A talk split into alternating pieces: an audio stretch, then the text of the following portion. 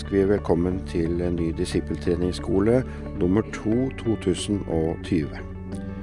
Vi skal holde på en ca. en og en halv time framover. Og det er Bjørn Tore Friberg som underviser om dette med å lide som Kristus også led.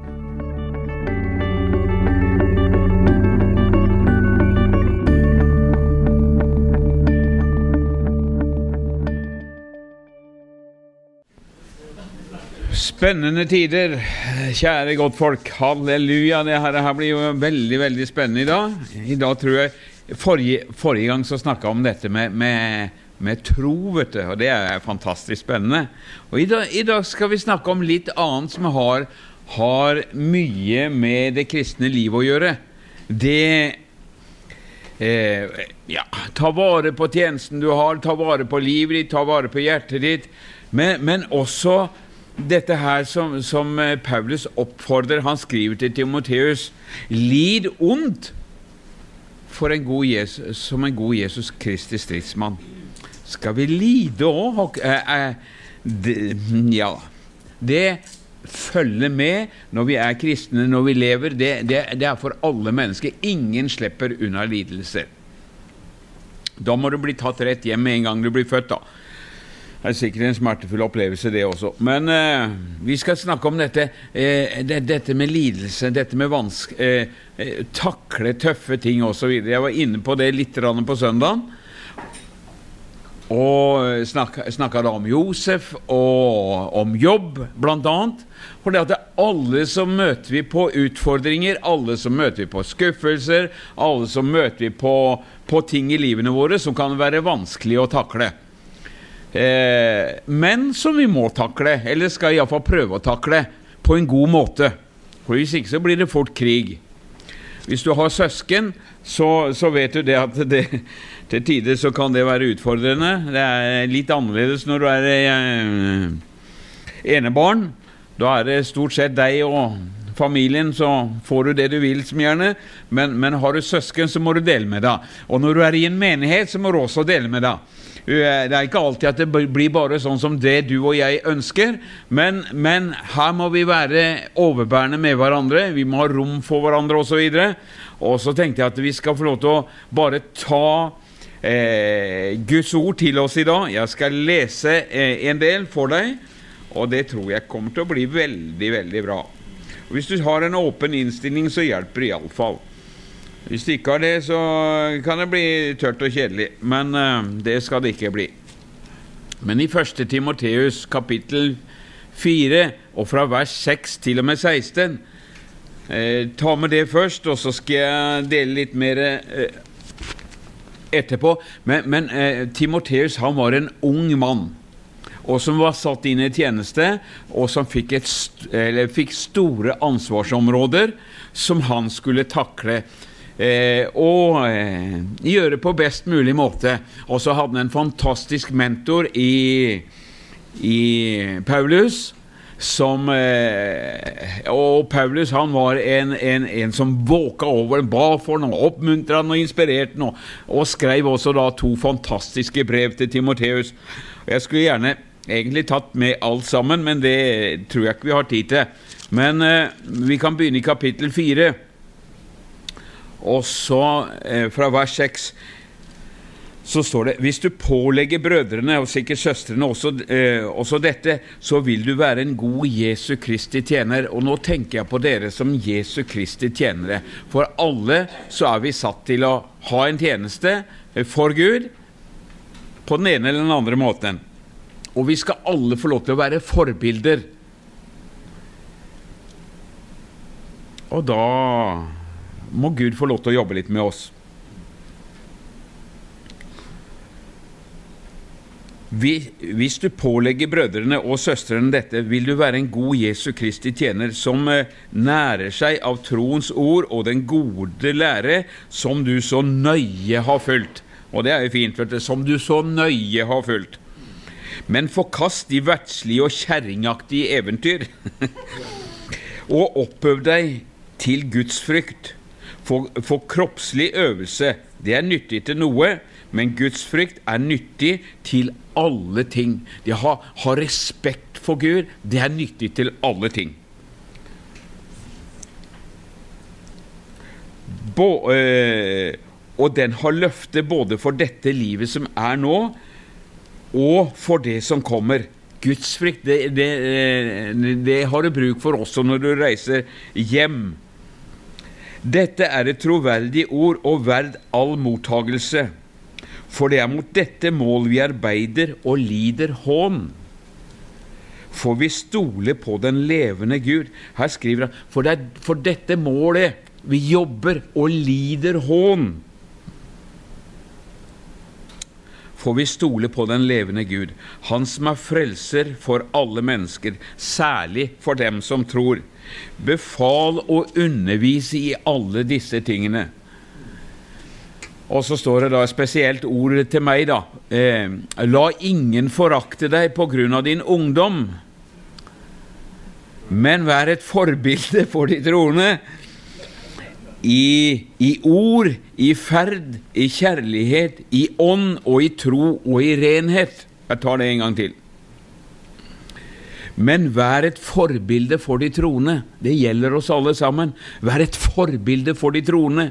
I ferd, i oppførsel altså, i kjærlighet, i ånd, i tro og i renhet. Ta vare på opplesningen av Skriften, på formaningen og læren inntil jeg kommer. Så kanskje du tenker at ja, men jeg, jeg trenger ikke det, for jeg har ingen som jeg underviser. Nei, men du underviser deg sjøl. Du har ansvar for ditt eget liv, iallfall. Og det, det er ikke lite bare det. Fordi at du er Guds skapning, en dyrebar skapning, kjøpt med Jesu eget blod så du har betalt med en høy pris. Så ikke ringakt deg sjøl eller de som du har rundt deg, men vær et forbilde for de troende. For hvordan skal du få lov til å, å, å, lære hva, hva, Guds ord sier? Jo, vi må lese det. Vi må ta det inn til oss og la det få lov til å være med og, og arbeide i oss sånn at det får lov til å gjøre det, den gjerningen det er tenkt til å gjøre. Og Det er at du og jeg skal få lov til å, å vokse ifra herlighet til herlighet inn til høylys dag, mer og mer lik Jesus. Og så sier han, vanskjøkt ikke den nådegaven som er i deg, den som ble gitt deg ved profeti og med håndspåleggelse av de eldste. Du skal grunne på disse tingene å leve helt i dem. Det er ikke nok bare å lese, men han skulle få lov til å grunne på de guddommelige sannhetene.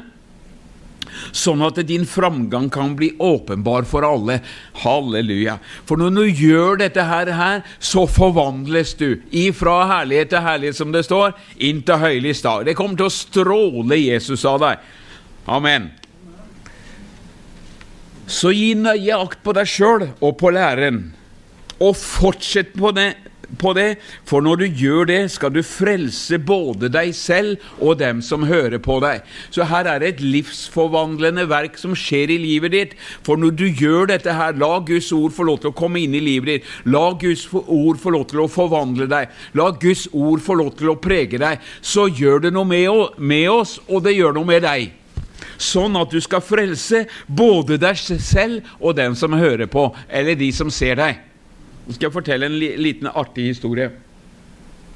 Jeg delte med Mats Jakob her i stad.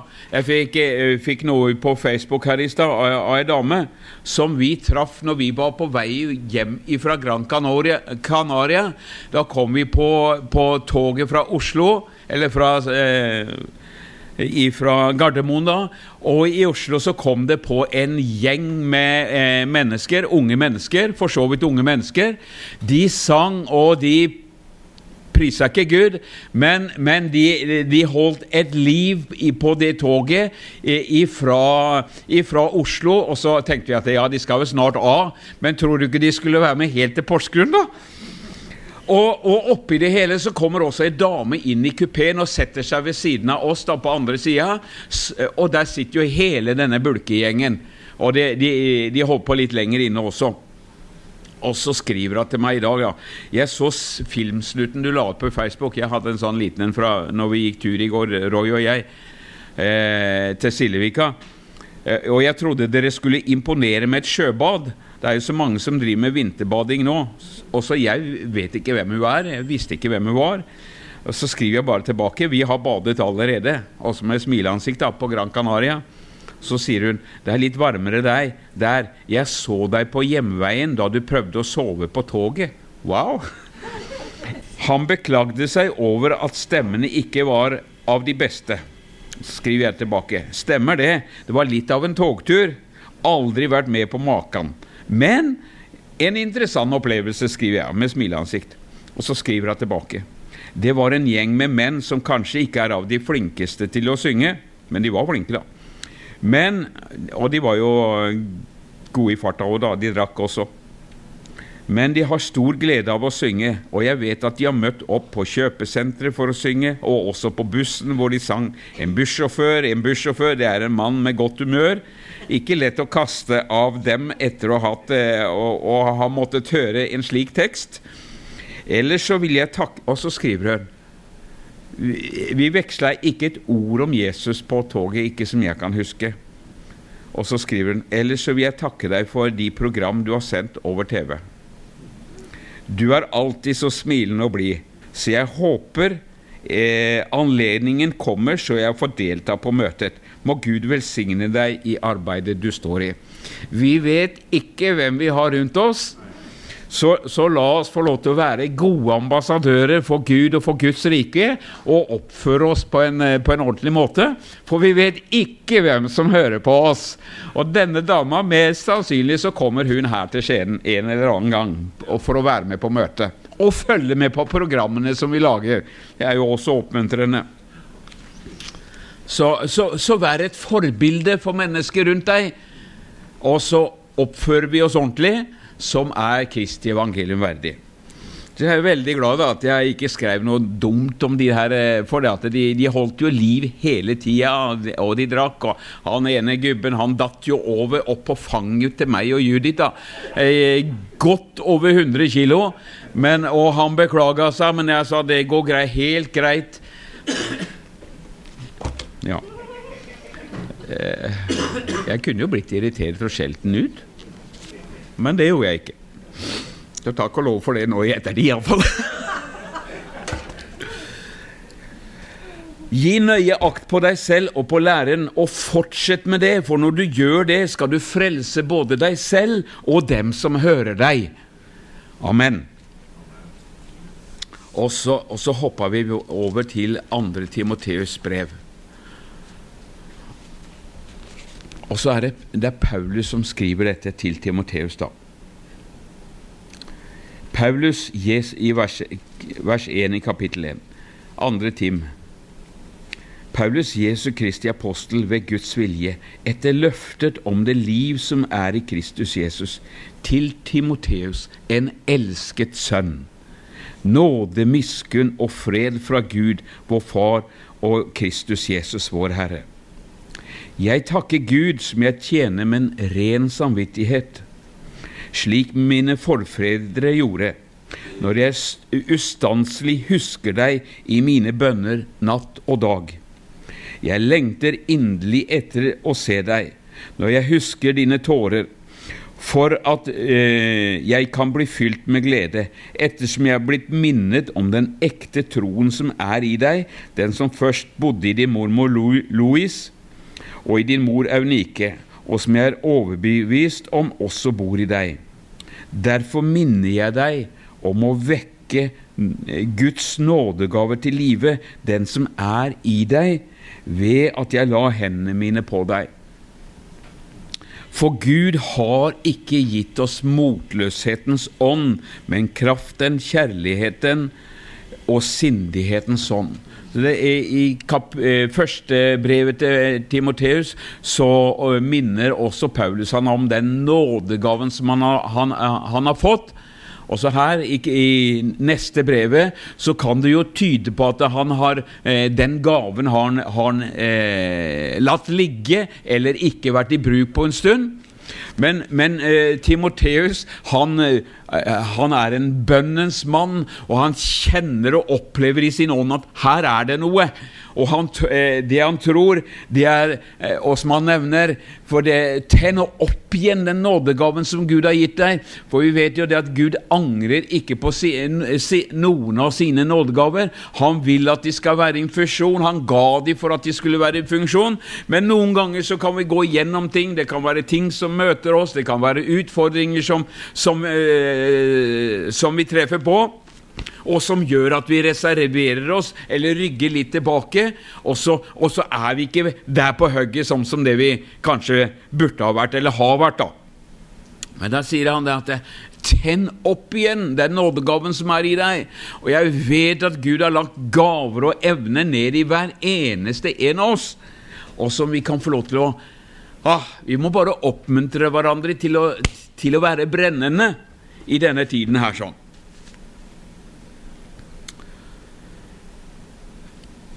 For Gud har ikke gitt oss motløshetens ånd.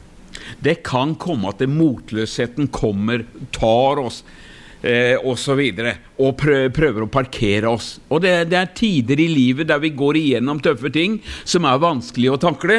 Men det, motløshet er ikke fra Gud, det er ifra jævelen for å prøve å ta livet av oss. Ta gnisten av oss og få oss til å parkere. Men da er det godt å ha noen, noen eh, brødre og søstre, eller, eller Guds ord, da, eller en Paulus, da, som er med og oppmuntrer og inspirerer ikke eh, ligg nede. Reis deg opp igjen, du djerve kjempe, for Herren er med deg. Få noen sånne ord vet du, som, eh, som Gideon fikk lov til å oppleve. Hans Jakob vitna om det her på bønnemøtet i dag og snakka om Gideon. vet du, Halleluja! Og, og, å være. og når Herren kom til ham, så, så, så, så talte han jo 'Herren er med deg, du djerve kjempe'. Og så sier jo Gideon det at ja, 'Hadde Herren vært med oss, da hadde det ikke sett sånn ut'. Nå prøver jeg å berge litt med mat, sånn at vi skal prøve å holde oss i live. Fordi at fiendene de angriper oss hver eneste høst. Når vi er i ferd med å samle inn det vi skal leve av resten av året, så kommer fiendene og plyndrer oss. Og nå jobber jeg og svetter og strever for å prøve å berge noe av avlinga vår. Og så snakker de om at Herren er med oss. Langt derifra. Ser ingenting til det. Hvor har det blitt av de svære undra, osv. Så, så kommer Gud igjen av Guds ånd. Herren er med deg, Gideon. Herren er med deg. Herren er med deg. Og Noen ganger så må du og jeg også eh, få sånn eh, repetisjon på ting. At det, er, det, er, lett for å glemme, og det er lett for å se på omstendighetene og tenke at nei, hvis Herren hadde vært med oss, da hadde det sett annerledes ut, osv. Men halleluja, Gud har sagt at han vil være med oss alle dager inn til verdens ende. Tidsalderens ende, som det står. Og så sier han videre og så noen, jeg har lyst til å bare si det, noen ganger vet du, så plukker vi ut noen ord herifra og derifra, og det er jo fantastisk bra. Men når Paulus skrev et brev, så skrev han det jo for at han skulle lese det. Ikke bare ta et og annet ut oss som en syns er fint. Men, men, dette her sånn, det, det, det, er Guds hjerte og Paulus' hjerte til en ung Herrens tjener som hadde masse utfordringer i tjenesten. Men, men Paulus vil at det, ikke gi opp, ikke se deg tilbake, ikke bli motløs. La ingenting av det som kommer imot deg, stoppe deg eller hindre deg på ferden. For vi har et løp å løpe, alle sammen, og det er ingen vei tilbake. Skam deg derfor ikke over Vår Herres vitnesbyrd, og heller ikke over meg, hans fange, for Paulus satt i fengsel men ta del med meg i lidelsene for evangeliet, i Guds kraft. Lidelsene i evangeliet, har ikke Jesus tatt på seg de, da? Nei, vi også har et kors å bære. Vi også har en vei å gå. Det er ikke bare eh, solskinnsdager. Det med, det er til og med snø i lufta noen ganger. Men vi gikk opp av den grunn. Vi parkerer ikke hjemme. Vi blir ikke liggende på sofaen for det om det kommer noen snøfyller. Nei, halleluja, amen. Vi reiser oss opp, skraper av ruten om som må være, og så setter vi oss i, i bilen eller går og, og ja, det er noen som går også, ikke gir opp av den grunn, men kommer uansett vær og vind. Ta, ta del med meg i lidelsen for evangeliet i Guds kraft. Det er Han som har frelst oss og kalt oss med et hellig kall, ikke etter våre gjerninger, men etter sin egen rådslutning og nåde. den som ble gitt oss i Kristus Jesus fra evige tider av, men som nå har blitt åpenbart ved vår Frelser Jesu Kristi åpenbarelse. Han som gjorde døden til intet og førte liv og uforgjengelighet fram i lyset ved evangeliet. For dette ble jeg satt til forkynner, apostel og lærer for hedningefolkene. Av den grunn lider jeg også dette. Likevel skammer jeg meg ikke, for jeg vet hvem jeg er kommet til tro på, og jeg er overbevist om at Han er mektig til å bevare det som er overgitt meg, helt til denne dagen. Han hadde all mulig grunn til å klage og syte. Kasta i fengsel, har bare gjort gode gjerninger. Og satt Paulus igjen i fengsel. Og det var ikke første gang, det var ikke andre gang, det var ikke tredje gangen heller. Stadig så møter han på motgang og problemer. Altså Han som er jo bare en fantastisk god mann. Men han fortsetter. Hold deg til det forbildet av sunne ord som du har hørt av fra meg, i tro og i den kjærlighet som er i Kristus Jesus. Bevar den gode skatten som er overgitt deg ved Den hellige ånd. Og Det kan du ta til, det, til deg sjøl også. Bevar den gode skatten som er overgitt deg ved Den hellige ånd, som bor i oss. Dette vet du at alle i Asia har vendt seg bort ifra meg. Taler om dette her, sånn, Han forkynte jo evangeliet i Asia også. Og det spredte seg utover hele Asia. Og så skriver han Fry, eh, Frygelius og Hermogenes er også blant dem. Må Herren gi barmhjertighet til Onesiforus hus, for han opplivet meg ofte og har ikke skammet seg over lenken min. Men da han kom til Rom, lette han etter meg med stor iver og fant meg. Må Herren gi at han finner barmhjertighet fra Herren på den dagen, og hvor mye han tjente meg i Efesus, det vet du godt. Når Paulus hadde bibelskolen sin, så, så, står det, det at hele Asia fikk høre evangeliet. Hele Asia fikk høre evangeliet. Det bredte seg ut over. Når Paulus holdt, holdt eh, eh, bibeltimer og, og, møter i Tyrannus' skole, så står det det at hele Asia fikk høre. Men sitter, nå sitter Paulus i fengsel, og så sier han det at hele Asia har vendt seg bort ifra meg. Det må ha vært fryktelig smertefullt. Og så skriver han 'Vær sterk i nåden', kapittel 2. Du, min sønn, bli derfor sterk i nåden, den som er i Kristus Jesus. Og alt det som du har hørt av meg blant mange vitner, skal du overgi til trofaste mennesker, slike som også er i stand til å undervise andre. Derfor må du også lide ondt her kommer dette her. Derfor må du også lide ondt som en god Jesu Kristi stridsmann. Så det å få lov til å leve som en kristen, det følger smerte med, det følger lidelse med, det følger savn med. Noen ganger ser vi at mennesker forlater oss. Og det er en smerte i det hele. Thomas, nå må du sette deg ned. Men du er en god mann, da. Og jeg skjønner du er ivrig. Ingen som fører krig, må blande seg inn i de oppgavene som hører dette livet til, slik at han alltid kan gjøre hærføreren til lags, altså ha Jesus som første eh, Som nummer én, da. Ja, skal vi ikke jobbe, da? Jo, vi skal jobbe eh, også. Vi er kalt til å jobbe hvis vi har mulighet til å være friske til det.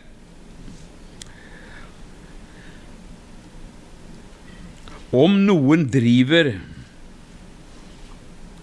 idrett, får han ikke seierskransen uten at han deltar etter reglene.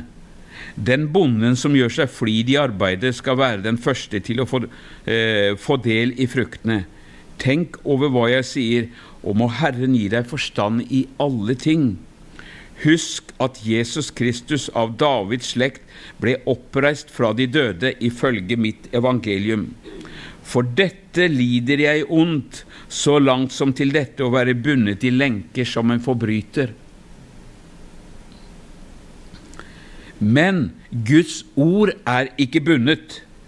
Derfor holder jeg ut i alle ting for de utvalgtes skyld, slik at de også kan få den frelse som er i Kristus Jesus, med evig herlighet. Jeg vet ikke hva han tenkte på den, når han satt i fengsel og skrev disse brevene her, men hadde Paulus vært ute i det fri, så hadde du, kanskje ikke du og jeg hatt disse brevene her. Eh, og kanskje ikke han så det da, eller hensikten med, med, med, eh, med, alle de lidelsene og det han gikk igjennom. Men Paulus også er et forbilde for, for, for et, eh, kristne mennesker. Det å ikke gi opp. For vi kommer alle til å møte på tøffe ting. Og det ligger tøffe ting foran oss som du og jeg må takle. Det blir mørkere og mørkere i denne verden her, men jo, og, og, og, og, sånn er det. Også i Norges land så blir det verre og verre for kristne. Nesten eh, Ja. Det er bedre for alt mulig annet rart. Alt mulig annet rart er lov. Her på TV i går så viste de fram eh, nakne menn som eh, de kalte det kunst. Og det får de støtte av staten til. Og nye kulturministeren han syntes det var fantastisk flott. Det er en skam! Det er pill råttent! Det skal de godta! Vi lever i Norge, og det er krig på de kristne. De, de, går imot, de prøver å stoppe alt det som har med kristendom å gjøre. Det, det Arbeiderpartiet har jobba med siden 1923, det var å få kristendommen ut av offentlige institusjoner, ut av skoler, ut av, ja, ut av, ut av samfunnet generelt. De har jobba målbevisst. De har må, jobba målbevisst for at det, Den norske kirke skal være så full av, av alt mulig rart og, og, være så verdslig og så lite, eh, lite kraft at ingen gidder å gå der. Det er så kjedelig. Det har de jobba med siden 1923, nesten i 100 år. Hatt en strategi på dette her sånn. Og oppi det her, her så lever vi, da. Og så skal vi få lov til å være lys og salt i denne verden her. De kristne kommer til å oppleve forfølgelse og vanskeligheter. Og da er det viktig at vi bevarer hjertene våre, ikke tar igjen kanskje på samme måte som det vi hadde ønska osv.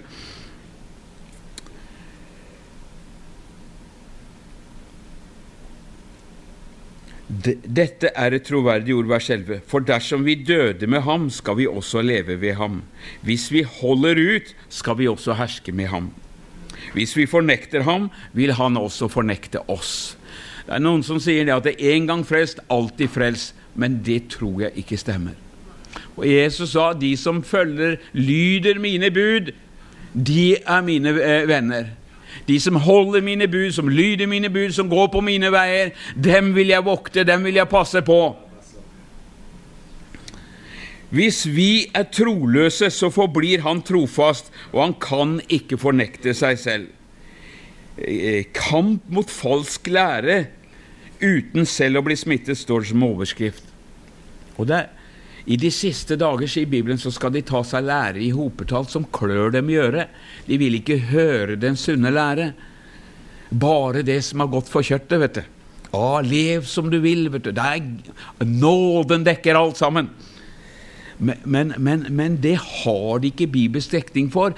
For det Jesus forkynte, det apostlene forkynte, det disiplene forkynte, det var omvendere og tro evangeliet. Det var en radikal omvendelse i menneskers liv. Hvis du leser på pinsefestens dag, hvis du leser evangeliet når Jesus eh, går omkring, så snakker han til menneskene. De måtte vende om. De måtte altså snu 180 grader og gå en annen vei. Følg meg, sa Jesus, for jeg er veien, jeg er sannheten sannheten og jeg er livet. Den som ikke vil gå på, på, på, på den veien, han når jo ikke fram. Og det er viktig for oss å, å fortelle sannhetene. Ja, men det Ja. Ingen skal forakte den ringe begynnelse, er det noen som står og Det var mange skriftsteder på det, så vi skal ikke fornekte noen, vi skal ikke forkaste noen, men, men vi må holde fram hva Guds ord sier. Hold deg på veien! Skal du, eh, når du kom hit i dag, så har du jo holdt deg på veien eller på fortauet. Eh, og ja Skjønner den.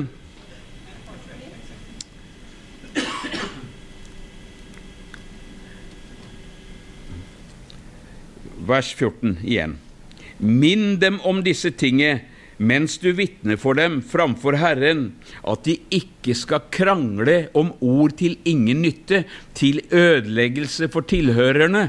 Det går an å krangle om unyttige ting og læresetninger og alt mulig rart, men vær nøye med å fremstille deg for Gud som en som holder prøve. En arbeider som ikke trenger å skamme seg, en som deler ut eh, sannhetens ord på en rett måte.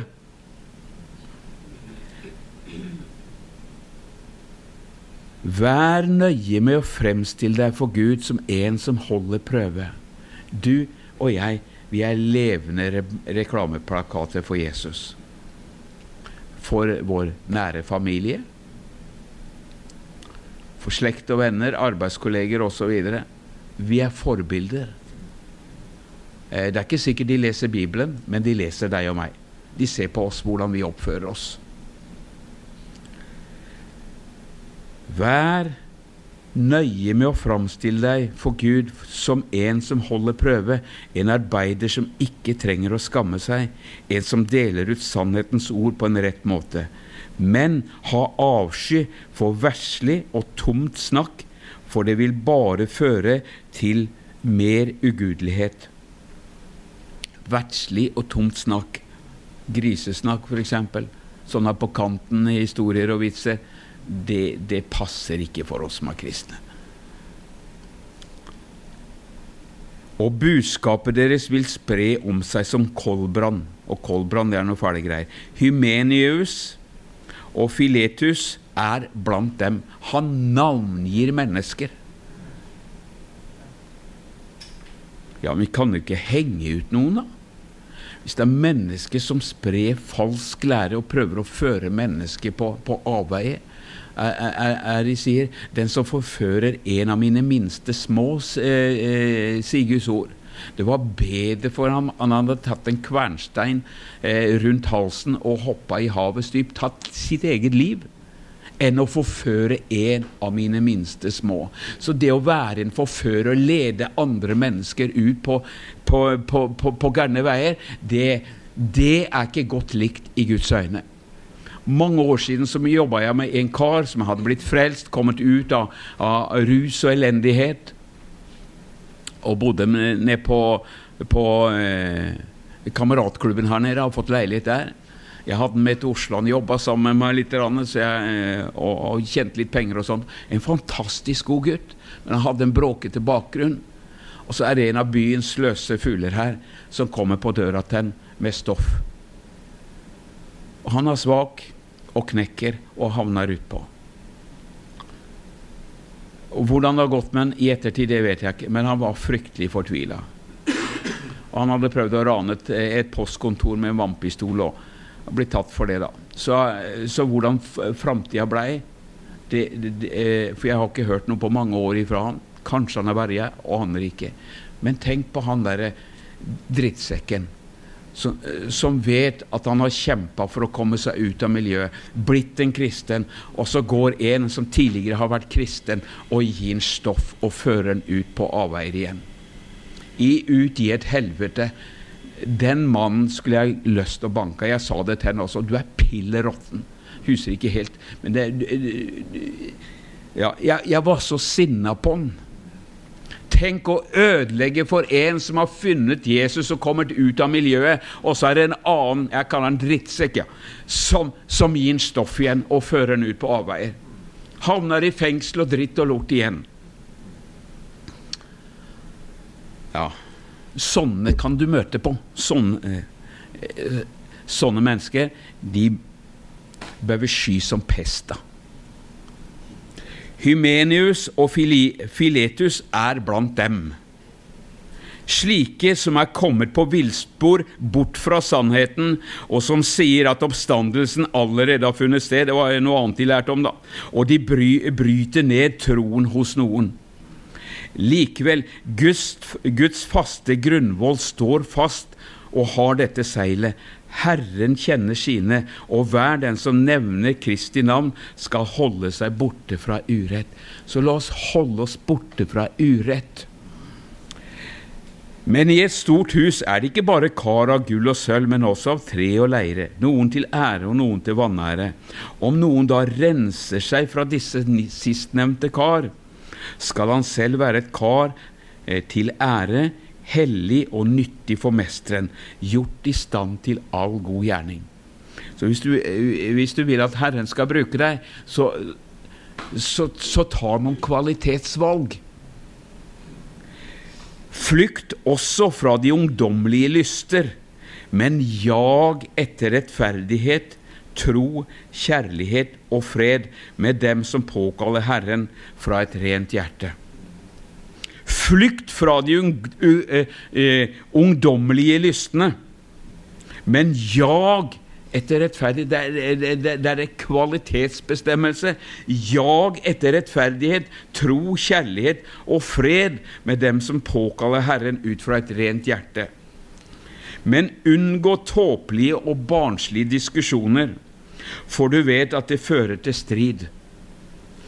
Og en Herrens tjener skal ikke stride, men være mild imot alle, i stand til å undervise, tålmodig og i ydmykhet irettesette dem som står imot, om Gud likevel vil gi dem omvendelse til sannhetens erkjennelse, slik at de kan våkne opp fra å komme ut av djevelens snare. Så det er noen som har sovna eller har tatt gale valg og blitt fanga i djevelens snare. Og de ble fanget av han, slik at de måtte gjøre hans vilje. Og hvis mennesker igjen blir fanga og begynner å gjøre djevelens vilje og, og, og gå på mørkets vei, da, da har fienden igjen fått lov til å innta dem. Og da eh, skal de da bli berga for evigheten, så, så, så må de vende om. De kan ikke fortsette på den veien som fører til, til fortapelse. De kan ikke leve et liv i kjøttet og leve imot Guds bud og Gud, mot Guds ordninger. Det går ikke. Det går på tvers av det som Gud ønsker. Og du og jeg vi er kalt til å være Jesu Kristi etterfølgere. Han som fornekta seg sjøl og valgte og, eh, og, tok på seg en, en, eh, en tjenerskikkelse. Han ville ikke være eh, på, på, linje med Gud i det hele tatt. Han var en tjener. Han ydmyka seg under Gud og gikk Guds vei med livet sitt. Han gjorde ikke sin egen vilje, men han gjorde Guds vilje hele veien. Og det er du og jeg òg kalt til å gjøre. Ja, men vi har jo fri vilje, Bjørn Tore. Det er helt sant. Men, men, men da kan vi jo velge sjøl.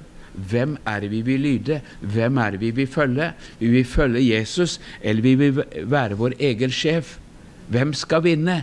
Og, og, det er ikke Satan som vi har de største utfordringene med. Det er vårt eget kjøtt som lokker og drar oss og frister oss og alt det her greiene her. Og Vi snakka om det i, i, på bønnemøtet her eh, før i dag, her inne.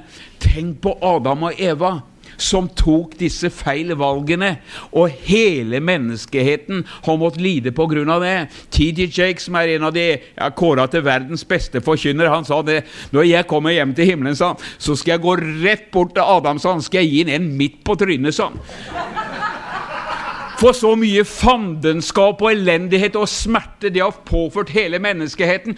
Kunne han ikke vært en mann og sagt 'Eva, det der, der gjør vi ikke'. Stopp! Men han svikta. Og, og, og, ditt og mitt valg også. De valga som du og jeg tar, det kan enten bringe mennesker til himmelen, eller det kan føre mennesker vill. Så hvis du og jeg vil leve og kaller oss kristne, så så vil jeg anbefale hele ditt, eh, mitt hjerte at du går på Herrens veier, at du er seriøs og ordentlig. Dette her er en disippeltreningsskole.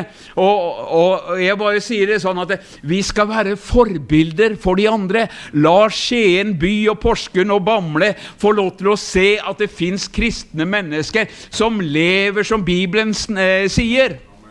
Halleluja. At det fins kvaliteter i oss at vi ikke parkerer, blir sure, grinete, lei oss, deppa, graver oss ned og, og, og, tenker at 'nei, jeg orker ikke mer, jeg gidder ikke mer'. Det går an å komme dit. Men, men, men, men det er ikke det vi ønsker. At vi får lov til å Gud i himmelen. For vi møter alle på utfordringer. Det er ikke bare deg som møter på utfordringer. Vi alle møter på utfordringer. Vi har mange grunner til å kanskje gi opp og tenke at nei, vi orker ikke. Vi tar en lettere vei. Det koster for mye.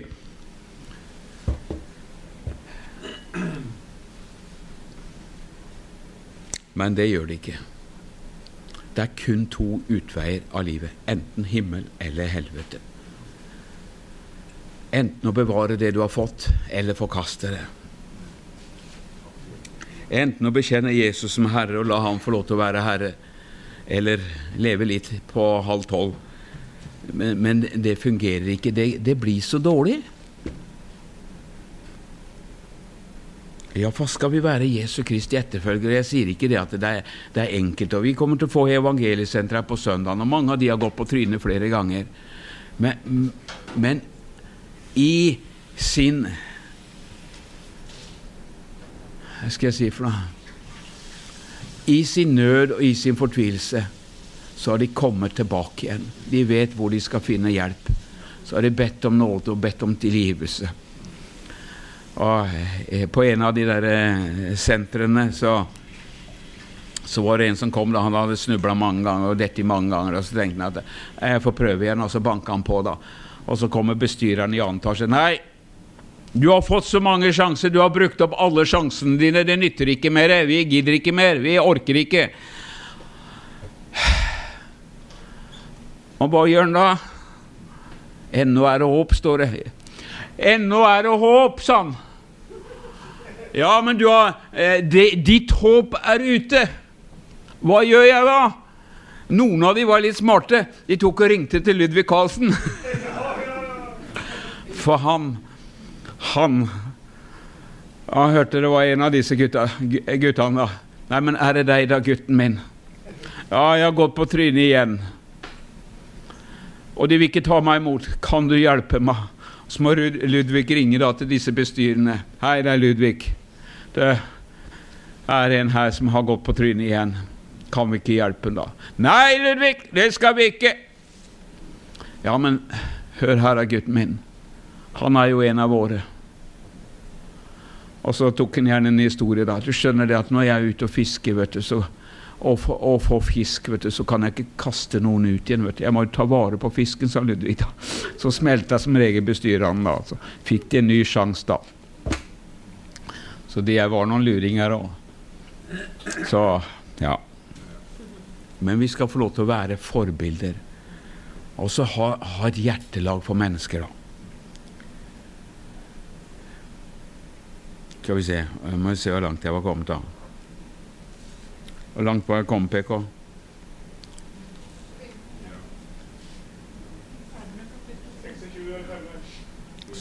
26, ja. Nå skal vi inn i kapittel 3, da. Å, halleluja. I dag skal du få et helt brev. Men vit dette at i de siste dager skal det komme harde tider. Det er de tider som jeg tror vi lever i. For da skal menneskene være slike som elsker seg selv, elsker penger, skryter, er stolte, spotter, er ulydige mot foreldre, er utakknemlige, vanhellige, uten naturlig kjærlighet, utilgivende, baktalere, slike som er uten selvtukt, fri barneoppdragelse, brutale, slike som er uten kjærlighet til det gode, forærere, oppfarende, oppblåste og slike som elsker lystne høyere enn de elsker Gud. Det er verden som vi lever i. Og når mennesker kommer til tro på Jesus og blir frelst, så er det disse menneskene som vi får inn i menigheten. Så gled deg. Det, det blir en jobb å gjøre. Hvis du ber om vekkelse, så, så skjønner du at her eh, blir det utfordringer.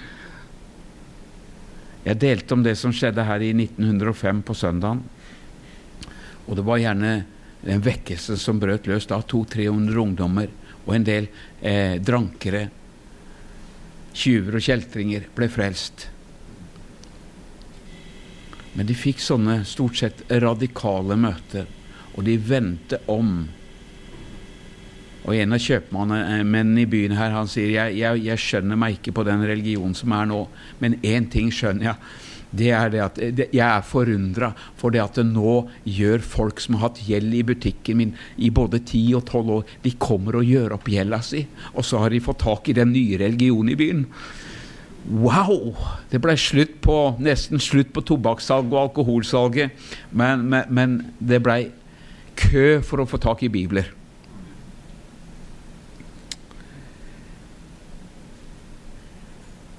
De har et, en ytre form for gudsfrykt, men de fornekter dens kraft, og slike skal du vende deg bort ifra. For blant disse er de som sniker seg inn i husene og får makt over godtroende kvinner, og som er tynget av synder, og som er ført på avveier av mange forskjellige lyster. De lærer bestandig og er likevel aldri i stand til å komme til sannhetserkjennelse.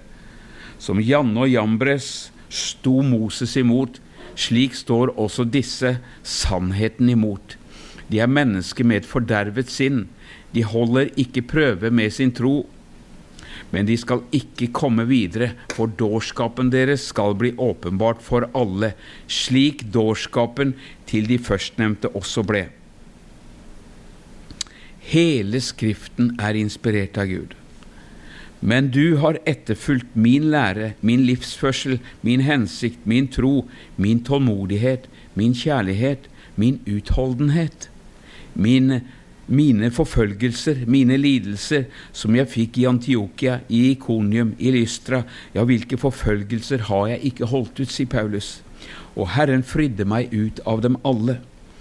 Ja, og alle som vil leve gudfryktig i Kristus Jesus, blir forfulgt. Men onde mennesker og bedra bedragere blir stadig verre og verre. De forfører og blir forført. Men du må holde fram de, i de sannhetene som du har lært og er blitt overbevist om, for du vet hvem du har lært dem av. Og helt fra barndommen av har du kjent til de hellige skrifter, som har kraft til å gjøre deg vis til frelse ved troen på Kristus Jesus. Hele Skriften er innåndet av Gud. Og den er nyttig til lærdom, til overbevisning, til rettledning og til opplæring i rettferdighet, for at Guds menneske skal bli satt i stand og godt utrustet til all god gjerning. Jeg leser det siste vers, eh, vers 16 og 17 en gang til. Hele Skriften er innåndet av Gud. For noen få år siden så kom nådesforkynnelsen inn i Norges land med brask og bram. Og Da sa de at alt det Gamle testamentet, det var for Israel, det var ikke for oss.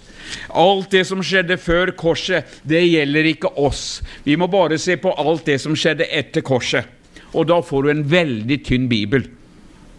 Men her sier, sier, sier, Bibelen hele Skriften er innåndet av Gud og nyttig til lærdom. Både Gamle testamentet, evangeliene og, og brevene. De er nyttig til lærdom. Halleluja til overbevisning, til rettledning, til opplæring i rettferdighet, for at Guds menneske skal bli i stand og godt utrustet til all god gjerning. Så jeg vil ha min hele, fulle bibel. Jeg leser den fra perm til perm, og jeg er veldig fornøyd med det. Til og med ettertavlene. Halleluja. Innimellom der så dukker det opp noe, blant annet Jabe. vet du, halleluja. Plutselig, midt i alt det der eh, ettertavlene og det her, så vi kan tenke at nei, det hoppa vi over. Men der er Jabe, og han hadde ikke de beste utfordringene i, i, i hele uh, Han ble født i smerte og fikk navn deretter. Men Jabe, han kjente sin Gud, og han ba til sin Gud i himmelen. Og så, og så ba han fanta denne fantastiske korte bønnen. Jeg skulle tro det var Åge Samuelsen som hadde bedt den. For han ba korte bønner. Men, men han ba sånn Å, Gud, om du bare ville velsigne meg og utvide mine grenser. Og må din hånd være med meg, og må du bevare meg, meg fra ondt, så jeg ikke blir årsak til smerte. Halleluja. Og så fikk Jabe det han ba om. Amen. Om du ber denne bønnen her som Terje be, eh, holder på med nå, så kommer ting til å skje med deg.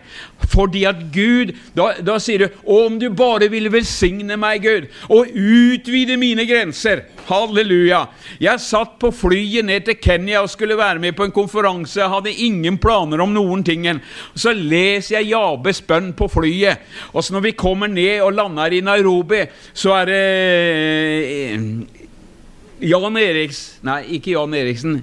Jan Erik Stenersen som møtte meg, han var rektor på bibelskolen som jeg gikk på den gangen. jeg Og Judith. Og så sier han det at vi holder på med en lederkonferanse nå.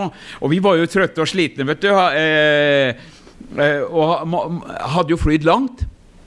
Så min plan var jo å sove. Jeg hadde ikke sovet på natta. Så, og det var de fleste andre også. Så sier jeg eh, Eriksen Er det noen som vil være med på konferanse? Så var det tre av vennene mine som gjerne ville være med. da. Og så, 'Kom igjen, da, Bjørn Tore. Kom igjen, da.' Og så blei jeg med, jeg òg, da. Og tenkte ikke noe på at jeg hadde lest Jabes bok og sånne ting. Men når vi kommer inn dit Det var en fantastisk eh, atmosfære der. Forferdelige veier, men en fantastisk atmosfære. Låsang bare slo imot oss på lang avstand. Og det var ikke så vanskelig, da, for jo, du, du, kunne se tvers gjennom bygget omtrent. da. Men, men, der var det 500 pastorer og ledere som sang og priste Gud. Og når vi kommer inn der, de hoppa og dansa rundt og, i, i, i, dette teltet her. Og det var en atmosfære som var bare helt fantastisk. Og så eh, eh, sier Stenersen at vi har fått besøk fra Norge her, og nå har vi fire stykker som er opp og vitner. Kjære Gud. På engelsk, da, vet du. Huh. Og så og så deler vi litt av historiene våre, alle vi fire. da. Og det var, det var bare fantastisk å preke det. Det var, det var en sånn, sånn eh, eh begeistring i salen. Og amen og halleluja, og de hoppa og dansa rundt der. Så det var fantastisk. Og så sier Jan Erik til meg etterpå, da når vi var ferdige Ja, nå, nå skal jeg ha et nytt møte nå med et kvarter, eller hva det var for noe. Og så er det et nytt møte om en time igjen, Bjørn Tore. Kunne du tenke deg å preke? Du er jo reine, du preker som en afrikaner. Og så tenkte jeg, hva, hva, gjør jeg? Nei, det hadde jeg ikke tenkt i det hele tatt. Men så kom den Jabes bønn. Å Herre, om du ville utvide mine grenser. Kjære Gud, hva er jeg har bedt om, Gud? Og så sa jeg ja, da og kasta meg ut i det. Hadde kanskje en time eller to til å forberede meg på, det, på prekenen. da. Og så fikk jeg lov til å preke for disse her pastorene og lederne. da, Og det var bare så fantastisk! Det var uh! og, og, fikk be for masse av disse her. her. Det, var, det, det, var, på en måte ikke meg, men, men det var meg allikevel. da. Men Gud fikk lov til å tale igjennom livet mitt, og det ble til sånn velsignelse. Det bare slo igjennom. Halleluja. Og jeg, eh, for Eh, eh, Jan Erik Stenersen, ja. Han hadde talt om at Gud han er i ferd med å åpne en dør så, eh, eh, for dere, og vi må legge skuldrene på, for nå er, det, nå, nå er det ting på gang i Kenya. Det er gjennombrudd i, i, Kenya. Vi må bare legge skuldra på døra, så, skal, så jeg ser det er på gløtt. Og så bare ga Gud meg et bilde om at døra er åpen allerede. Og jeg delte ut ifra det, og det bare eksploderte! Halleluja. Og jeg var så glad! Amen, at jeg hadde sagt ja.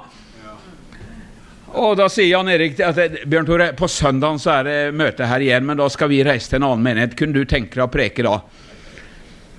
Og så sa jeg ja, da. Og da var det 1000 stykker der.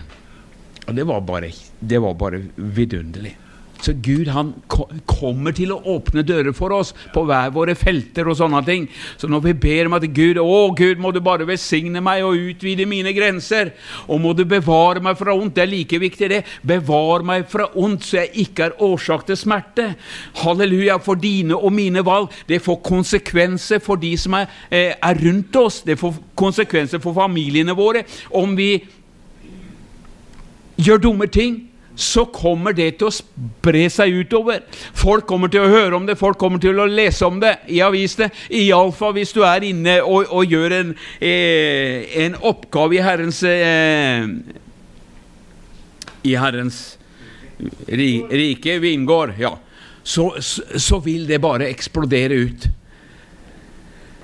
Og, alle, og, og det blir til skam for mange.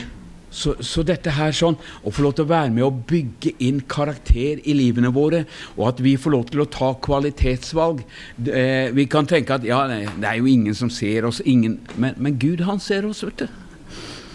Og, og, mennesker rundt oss også ser oss. Så det vi gjør i det, i det skjulte, sier Bibelen, det skal ropes ut på hustakene. Så vi må være forsiktige. Så, og, og så få lov til å leve som kristne, altså.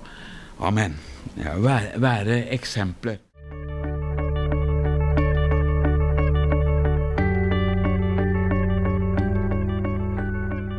En eh, liten pause kan være godt med litt kaffe eller noe å, drikke. Og så eh, fortsetter vi ganske straks igjen.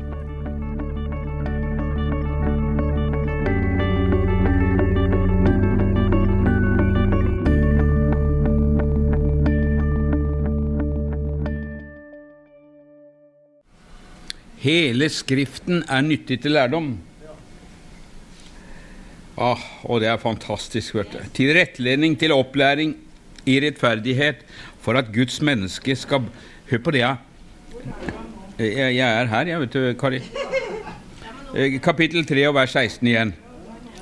Hele Skriften er innåndet av Gud. Bibelen uh, sier at Guds ord sier at det er syv ganger renset. Det er lutret i ild. Og det er nyttig til lærdom til overbevisning, til rettledning, til opplæring i rettferdighet. Og hvorfor det? Jo, for at Guds menneske skal bli satt i stand og godt utrustet til all god gjerning. Det er jo bare, er bare helt nydelig. I kapittel 4.: Derfor vitner jeg for Gud og Herren Jesus Kristus, som skal dømme levende og døde ved sin åpenbarelse og, og sitt rike. Forkynn ordet. Vær rede i tide og utide.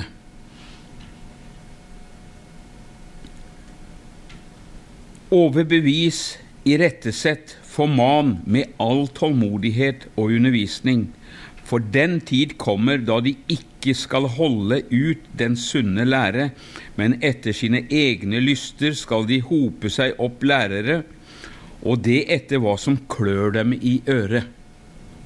De skal vende sine ørene sine bort fra å høre sannheten. De skal vende ørene sine bort fra å høre sannheten, og de skal vende seg til eventyr. Men vær du på vakt i alle ting, lid ondt, og gjør en evangelists gjerning.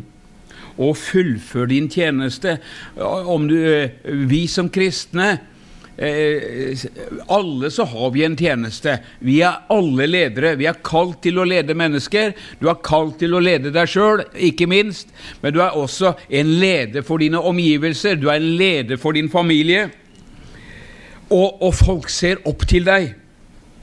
Vær på vakt i alle ting. Lid ondt. Kommer du til å få oppleve at folk baktaler deg? Ja. Kommer du til å oppleve at folk dolker deg i ryggen? Ja. Kommer du til, eh, til, å oppleve at folk snakker ned, dritt om deg? Ja. Og det, det, skal det rygg til å bære. For det er ikke det. Vi ønsker at folk skal tale vel om oss og løfte oss opp og skryte av oss. Og det, det kjennes veldig deilig ut, vet du. Men, men vi møter på også, også, i kristne sammenhenger så fins denne eh, eh, kontroll, manipulasjon og trusler. De vil prøve å kontrollere deg, de vil prøve å manipulere deg, og hvis du ikke går med på det, så kommer de med truslene sine. De har jeg møtt mange ganger opp igjennom tidene. Det har vært steintøft noen ganger. Vi møter det i kristne sammenhenger. For jeg, sier Paulus, er allerede blitt utøst som et drikkeoffer og tiden for min avreise er nær. Han skjønner det at det nå nærmer seg. For jeg har stridd den gode strid, jeg har fullført løpet og jeg har bevart troen. Det er bare råbra, altså. Jeg ser så opp til mennesker som, som strir den gode strid, som ikke gir opp, som ikke backer unna, som ikke havner i seng med ei jente eller ruser seg, men, men, som fortsetter å kjempe, for det om det er motstand, for det om det ikke er de store seirene, men som bare fortsetter likevel, som holder sin sti rein. Det er, det er, bare, det er bare fantastisk, altså. Og som har bevart troen. Og så står det og til slutt så er det da gjort ferdig en rettferdighetens krone for meg, den som Herren, den rettferdige dommer, skal gi meg på den dagen. Ikke bare meg, men til alle som har elsket Hans åpenbarelse alle så er vi med i et løp, og det ender i himmelen hvis vi ikke gir opp. Det går an å gi opp, det går an å parkere, det går an å havne ut i elendigheter igjen. Men Bibelen oppfordrer, Paulus oppfordrer, jeg oppfordrer dere til å ikke gi opp. Fullfør løpet. Stenge døra til det gamle livet. Det er ingen vei tilbake. Det er én vei, og det er framover. Halleluja. Én vei, og det er framover. Ja, det er helt sant. Og så skriver han Gjør alt du kan for å komme til meg snart, for Demas har forlatt meg. Fordi han fikk kjærlighet til den nåværende verden. En av Paulus nærmeste medarbeidere. Han forlot Paulus fordi han fikk kjærlighet til den nåværende verden. Og har reist til Tessalonika. Kreskens har reist til Galatia og Titus til eh, Dalmatia. Bare Lukas er hos meg. Så sier han noe fantastisk. Hent Markus.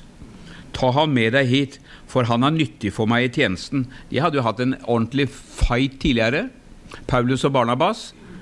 For eh, de hadde hatt med eh, Markus en gang før, men han fikk hjem, enten om han fikk hjemlengsel eller hva det var, iallfall så ville han ikke være med, med dem mer på reisen. Så han reiste tilbake. Og så når de skulle ut på neste misjonsreise, så sier eh, Barnabas at ja, vi tar med Markus igjen. Nei, sa Paulus, han vil jeg ikke ha med meg. Han svikta oss forrige gang. Ikke snakk om! Så det blei en sånn eh, gnisning imellom dem at de skilte lag. Barnabas, som er barmhjertighetens apostel, han skilte lag med Paulus. Han, Paulus ville ikke. Han har svikta oss. Jeg vil ikke mer. Ja, men er ikke Gud nådig og barmhjertig? Jeg vet ikke hva, hva, han prøvde. Nei, jeg vil ikke. Det var fælt å, og beinhard han var da. Men hvis du leser i Skriften, så ser du at eh, eh, Luka, legen Lukas, da, han var, han, det er jo han som har skrevet apostelens gjerninger, er ikke det, Geir? Han fulgte med Paulus og Silas. Han fulgte ikke Barnabas og Markus. Han fulgte Paulus. Og, og, og, skal du ha arbeidere og medarbeidere, så må du ha trofaste medarbeidere. Skal, du, skal, skal, han få gjort noe i Guds rike, så må han ha mennesker som har ryggrad, og som, og som og som går på, som ikke gir seg. Nå, nå, snakker jeg Markus var jo i tjeneste. Det går an å Er du nyfrøst, eller har, eh, så, så, ikke tenk på noe sånt noe. Det, det, er en prosess en læreprosess. Vi lærer underveis. Men, men, men Markus hadde vært med i tjeneste. Han hadde svikta, han hadde reist hjem igjen. Og, eh, men, men her skriver han, når han er på sitt siste Hent Markus og ta med deg hit, for han er nyttig for meg i tjenesten. Gjenopprettelse. Det kaller jeg gjenopprettelse. Og Tykikus har jeg sendt til Efesos. Når du kommer, ta med deg kappen som jeg lot bli igjen hos Karpus i Troas, og bøkene, særlig pergamentrullene. Og så sier han kobbersmeden Alexander gjorde meg mye vondt. Må Herren gjengjelde ham etter hans gjerninger. Han sa ikke 'Gud velsigne ham', men han sa 'Må Herren gjengjelde ham etter hans gjerninger'. Fikk jo i stand dette opprøret i Efesus, og fikk en skare av mennesker eh, som steina Paulus og eh, holdt på å ta livet av Paulus. Og Paulus sier det her. Kobbersmeden Alexander gjorde meg mye vondt. Må Herren gjengjelde ham etter hans gjerninger. Du må også passe deg for ham, for han gikk kraftig imot våre ord. Ved min første ved mitt første forsvar var det ingen som sto sammen med meg.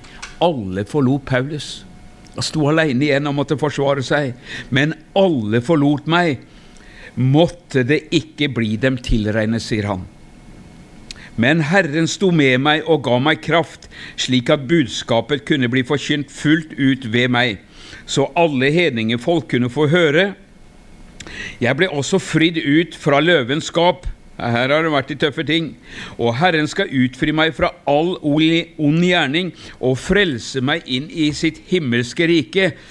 Ham være ære i all evighet. Amen. Så det, det, å få lov til å regne med Når vi er ikke kristne og etterfølgere av Jesus, så vil det være ting som kommer imot oss. Vi vil kunne oppleve forfølgelse. Jo mer Herren bruker deg, jo, jo tøffere kanskje motstanden blir for å prøve å kvele det som Gud har lagt ned i livet ditt.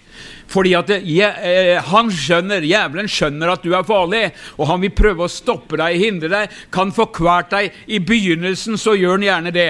Eller kan han få sendt deg hjem til himmelen, så gjør han det også. Bare han blir kvitt oss. Han tok Jesus 33,5 år gammel. Eller Jesus ga livet sitt, da. Han ga det frivillig. Men jævelens plan, det var å ta livet av Jesus. Og det er djevelens plan å ta livet av deg og meg. Han vil gjerne sende oss til himmelen, for da han kvitt oss. Da står vi ikke i veien for hans planer. For du og jeg som kristne mennesker har makt og autoritet over fienden. Bibelen snakker om det at vi skal stå fienden imot fast i troen. Han skal fly fra oss. Vi har makt og autoritet i navnet Jesus til å befale fienden til å gå i Jesu navn. Vi har makt og autoritet til å, til, til å Eh, ødelegge hans hjerner og hans planer. Og vi har makt og kraft til å rive ned jævelens festningsverker i menneskers liv. Når han har bygd sine festningsverker i menneskers liv, så har vi autoritet i navnet Jesus til å rive det ned, til å rydde unna i åndeverden, til å proklamere. Det, det, det gjør vi her før møtene også. På søndagene her så er vi jo her for å rydde unna ting i åndeverden, sånn at Guds rike kan få lov til å komme med kraft og, og manifestere seg. Og Jeg er så takknemlig for alle de som er med og ber og kommer her sånn. Noen ganger har vi mange, noen ganger har vi få. Men, men halleluja, ett rettferdig menneskes bønn har stor kraft og virkning. Så om vi er mange eller vi er få Jeg ønsker jo selvfølgelig at vi skal være mange hver gang. Absolutt. For det, det, det, er noe med dette her sånn Når vi står i sammen, så blir det sterkere. Som jeg oppmuntrer på møtene her også. Kom gjerne et kvarter før, eller kom klokka fire, og vær med og forbered deg på møtet. Halleluja. For det, det, kan skje så mye mer enn det vi har opplevd fram til nå. For vi tror at dette her er de siste tider. Vi vet at Jesus kommer snart igjen. Han kommer for å hente sine. Arne sa det i går kveld på Visjon Norge. Ja, men Bjørn Tore, det er noen som sier til meg at eh, Ja, men Arne, det har du sagt i 35 år, at Jesus kommer snart igjen. Ja, sier jeg, men det er nærmere nå enn noen gang før. Halleluja. Så, så vi må bare være klare og rede. Det kan skje hver dag som helst, nesten, på en måte. Men halleluja. Gud i sin fantastiske nåde, sa jeg inn på TV-skjermen i går kveld, har ikke eh, sendt Jesus ned enda, for da hadde kanskje ikke du blitt med. Du må ta et valg i dag. Invitere Jesus inn i hjertet ditt, og la ham få lov til å få førsteplassen i livet ditt. Noe av det sa jeg i går på TV, da. Som går utover hele Norges land. Og jeg tror at, av eh, hele mitt hjerte at Gud skal få lov til å forløse sin enorme vekkelse også over Skandinavia. Vi har bare bare sett dråper av det som Gud kan gjøre som jeg delte på søndagen her, at når, når, Judith og jeg ble frelst, da, så var det jo familien hadde våkna opp, de kristne våkna opp og skjønte alvoret. Nå har pappaen til Judith reist hjem til himmelen, og vi, noen av de var lunkne, noen av de var eh, falt ifra og levde ikke som kristne lenger. Men da blei det en oppvåkning først blant de kristne, og arrangerte husmøter og med dåp og hele greiene, og fikk inn predikanter som forkynte evangeliet. Og der ble vi frelst på et husmøte. Halleluja! Uh! Takk og lov og pris, altså. Oh, kan vi ha bønnemøter? Ja, vi kan vi ha husmøter? Ja, vi kan det òg. Når målet er at sjeler må bli frelst, kjære Gud, familiene våre, vennene våre Beate hadde eh, mamma og pappaen sin her for eh, noen uker siden, kom her og hilste på oss. Åh, fantastisk bra. Bare få dem inn. Bare få dem inn i nærheten. De kjenner, de ser Beate. Se forandring på Beate. De ringer og sier ja, du må gå på GKS, da. Halleluja, du må gå på GKS. For de har sett forskjellen, og det er det det handler om. De ser hvordan det var, men så ser de også hvordan det har blitt. Når mennesker får møte Jesus, så blir det forandring i menneskers liv. Halleluja! Om de ikke leser Bibelen, ja, kanskje pappa leser, da, men, men om de ikke leser Bibelen, så leser de eh, barna sine. De ser hva som har skjedd. Og Derfor så er det så viktig at vi får lov til å være seriøse. Eh, og Paulus oppfordrer oss til å kjempe på samme måte som på idrettsbanen. Det er jo fantastisk med hun der eh, Marte. vet du. Jeg er ikke sikkert noen av dere er interessert i sport, da. Men, men Marte deltok i sju konkurranser eh, nå og vant sju medaljer. Fem av de var gull. Halleluja. Så alle i hele verden omtrent, nå tar jeg litt hardt i, vet hvor Froland er henne. Det er i Norge en eller annen plass. Det er bare lite bøgd litt innafor E18, men, men, men, de som er interessert i sport, de vet. Froland, ja, det har vi hørt, ja. Der er Marte fra. Amen. Hun har satt spor etter seg. Og du og jeg som kristne, vi kan sette spor etter oss på en annen måte enn det. Leve for Jesus. Marte fortalte det at jeg måtte omprioritere. Jeg kunne ikke være med på alle konkurransene og sånne ting, fordi at jeg ville skjerpe meg til å være best mulig i stand når VM gikk. Så forsaka en del. Forsaka venner, forsaka familie. Jeg syntes det var veldig tungt og vanskelig, men jeg gjorde det fordi at jeg hadde et håp om å vinne medaljer. Og, og, sånn er det i vårt liv også. Det kan godt hende at vi må si nei til noe noen ganger. Vi trenger først og fremst å få lov til å lære Jesus å kjenne. Når Gud kalte meg til å forkynne evangeliet, så tenkte jeg at du, du må ha tatt feil. Eh, det går ikke, Gud. Jeg, jeg, jeg prøvde å forklare det. Gud, jeg, har, jeg, kan ikke det her. Jeg har ikke peiling i det hele tatt. Så var det lyd fra klar himmel som sa Nei, Bjørn Tore, men det som ingenting er, det har jeg utvalgt meg for å gjøre det vise til skamme. Å ja, Gud, da, jeg, eh, da, da, da, ser det ut som at du kan gjøre noe ut av det her, her allikevel, da. Og det kunne Gud! Og Så begynte jeg å lese Bibelen. Én time om morgenen, én time på kvelden. Jeg leste jo før òg, da. Men da bare tenkte jeg jeg må bli kjent med den boka her. Skal jeg være med og proklamere eh, guddommelige sannheter, så må den boka her den må bli mat for, for sjelen min. Så jeg begynte å lese og leste og leste og leste. og leste og leste. Ja, og sto opp klokka fem om morgenen vet du, fordi at jeg skulle ha en, en time å lese. Så var det å sette seg i bilen og kjøre en time for å komme på jobb. Enten det var Notodden eller Skien eller hvor, hvor, hvor det enn var som jeg bygde huser. Og så kom hjem om kvelden, så hadde jeg lyst til å lese avisa. Men da hadde jeg tatt en bestemmelse. Jeg vil lese Guds ord først, så får avisa komme etterpå. Og det er noen sånne kvalitetsbeslutninger som vi må ta noen ganger. Skal vi få lov til å være med og formidle evangeliet, være med, eller om du har en annen oppgave, da, så må vi trene oss i det, det her. Vi må bli kjent med han vi skal presentere. Geir han har jo gjort en grundig jobb der. Han er jo fantastisk å høre på. Vi skjønner alle det at Geir han har kunnskap om ting. Eller, eller, eller Liv og PK. De har jobba med livene sine. Og halleluja. Og vi har, ikke sett, vi har bare så vidt sett toucha begynnelsen på deres tjeneste på én måte. Men de har forberedt seg i, i ja, 20-30-40-50 år. Men, ja, men, men, men de er bedre nå enn noen gang før. Og det er, det. det er en kontinuitet, en fortsettelse i det hele. Vi blir ikke helt utlært, da. Men Gud er god, vet du. Halleluja. I 2002 så reiste Judith og jeg over til, til Bergen, og, og, folk tenkte at er dere sprø? Vi ville gå på bibelskole tre måneder. Vi følte at vi trang det. Trang å få lov til å bli bygd opp. Når du skal være med å gi til mennesker rundt deg, så må du jo få noe sjøl òg. Og, og, det er jo fint å lese Bibelen. Vi skjønte at det, vi, vi, må få noe mer. Vi må få noe mer. Og så kjørte vi fram og tilbake, da, for da annenhver uke så var vi hjemme og hadde møter, og så klarte de seg sjøl den andre uka. Reiste på fredagskvelden etter undervisninga og eh, fredag på dagen og hjem. Og så var vi her til søndag, hadde vi formiddagsmøte, og så måtte vi kjøre eh, tilbake igjen til Bergen på søndagskvelden. Å, fantastisk tid. Og så fant vi ut det at nei, det holder ikke med tre måneder, vi, så vi tok et år da, sammen med barna våre. De gikk på den kristne skolen der borte, så det var jo kjempebra. Og så Nå går han på gummisålet, nå går han på gummisåle. Men, men, men det kosta noe. Vi måtte gjøre det, vi måtte sette oss fysisk i bevegelse for å få tak i skatten i Guds ord. Halleluja! Og gjennom dette her så fikk vi jo den turen til Afrika og, og, det her, her sånn. Fikk kontakt med en del mennesker. Og, og, det er jo fantastisk herlig. Men å få lov til å bare koble seg på Vi trenger kunnskap, vi trenger undervisning, vi trenger å, å bli bygd opp i vårt indre. For skal vi få lov til å være med og presentere Jesus på en best mulig måte, så er det greit å kjenne ham. Halleluja. Åh, så er det noe med dette her sånn, da. Vi kan ha all verdens kunnskap. Men så står det i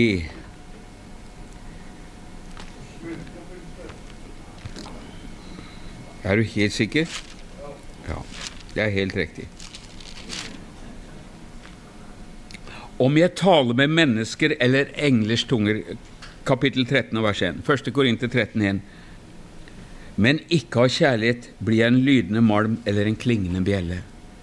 Om jeg har profetisk gave og forstår alle hemmeligheter og har all kunnskap, om jeg har all tro, så jeg kan flytte fjell, men ikke av kjærlighet, så er jeg ingenting. Er jeg ingenting.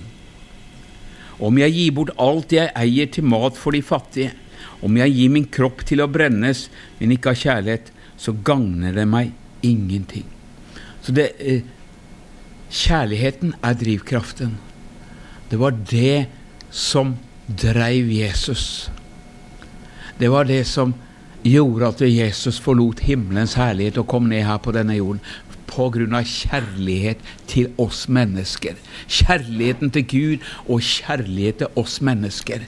Og det var kjærligheten som dreiv Jesus til korset. Det var kjærligheten som, eh, som, hang, eh, som gjorde at Jesus hang på korset og ble frista til å stige ned osv. Hvis du stiger ned, da skal vi tro, tro at du er Guds sønn. Men kjærligheten til oss og til, menneske, til, oss mennesker og til Gud gjorde at Jesus fullførte løpet. Og så roper han ut 'Det er fullbrakt!' Halleluja! Og så ble han en frelser for hele verden. Halleluja! Ikke bare frelser, men han ble helbrederen, han ble gjenoppretteren. Han er den som gir mennesker en ny start. En, eh, eh, halleluja! Får lov til å gjøre det sånn at himmelen er åpen for mennesker. Han sa jo sjøl at 'jeg er lyset'. Halleluja! 'Jeg er det levende brødet. Jeg er veien, jeg er sannheten, jeg er, livet.' 'Følg meg, så skal jeg gjøre dere til menneskefiskere.' 'Følg meg', sa Jesus. For min far og deres far, halleluja, han sa 'Jeg reiser hjem til min far og deres far', min Gud og deres Gud. Jeg går i forveien for dere for å berede en plass for dere. Og når jeg kommer igjen, så skal jeg ta dere alle til meg, og så skal vi være der Han er. Tenk på det. Her nede har vi et kort liv. 70-80 år, kanskje. Noen ikke det engang. Og så skal vi være sammen med Jesus i all evighet.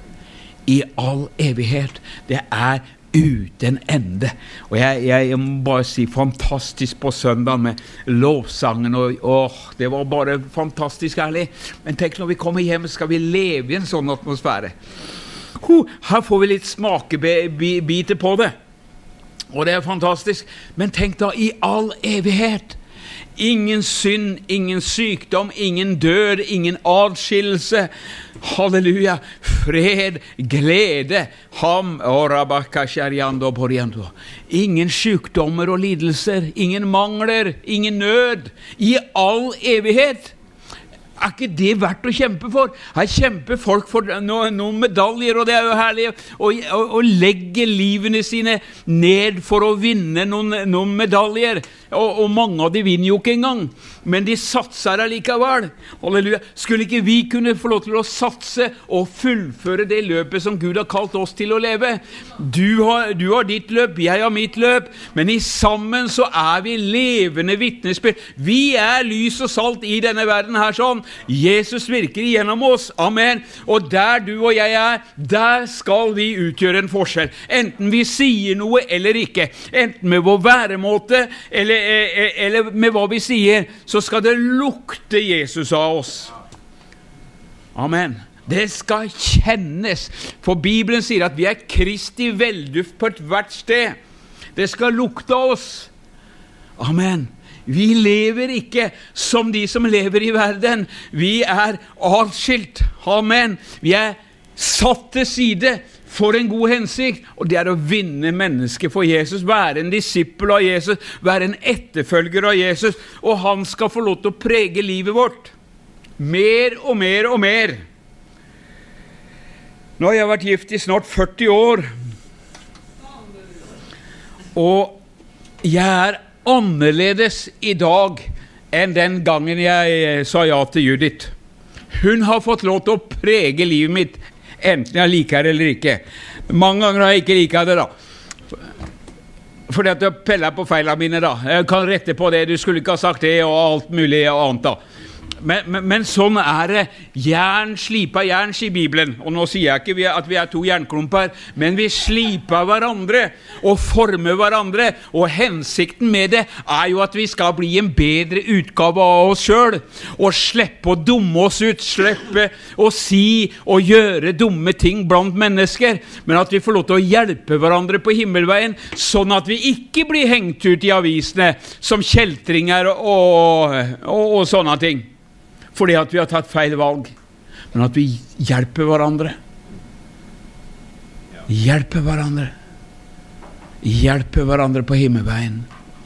Det har vi kalt det. Enten vi er alene eller, eller vi har noen å dele livet med, så skal vi få lov til å hjelpe hverandre. Om du ikke er gift, så, så er det fantastisk å være en del av en menighet. Skal vi få lov til å slipe hverandre da også? Halleluja. Og så formes vi til Kristus likhet. Og om en ikke skulle finne seg en ektefelle, så når vi kommer hjem, skal vi bli gift med Jesus hele gjengen. det er brud og brudgom. Jeg fatter ikke åssen jeg skal forestille meg det, men jeg tror det blir bra likevel, da. Eh, men, det er litt vanskelig for, for, for menn å tenke at jeg skal være brud. Men det går sikkert bra. Jeg får trene her nede. Jeg får ta på meg prestekappa. Nei da, det var noe helt annet. Men Far i himmelen, vi bare takker og priser deg for vennene mine her i dag, Herre. Takk for ditt ord, Herre. Det er rettesnor for livene våre. Vi bare ønsker Jesus å få lov til å leve for deg. Her er vi, Jesus. Vi stiller våre liv til rådighet for deg og for ditt rike. Det står det at dette er vår, vår åndelige gudstjeneste i Romerne 12. I Jesu navn. Få avslutte med det. Romerbrevet 12.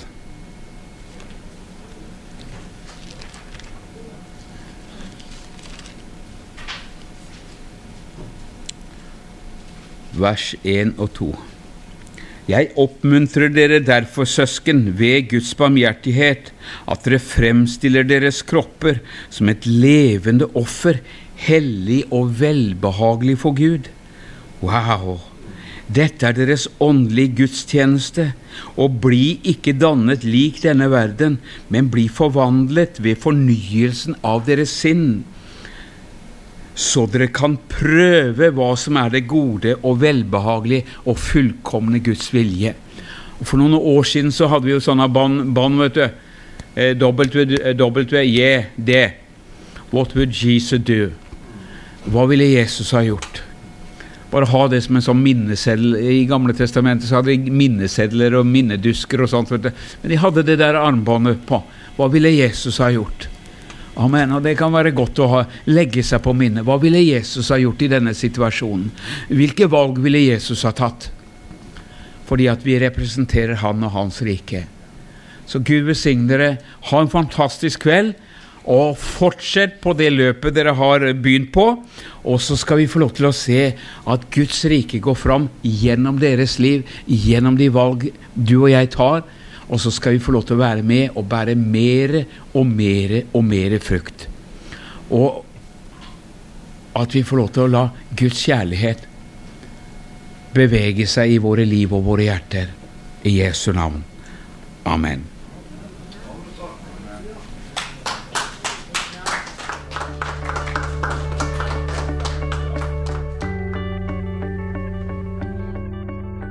Og med det så er vi i mål med disippeltreningsskole nummer to 2020. Følg med på Himmelradioen, så får du mer etter hvert.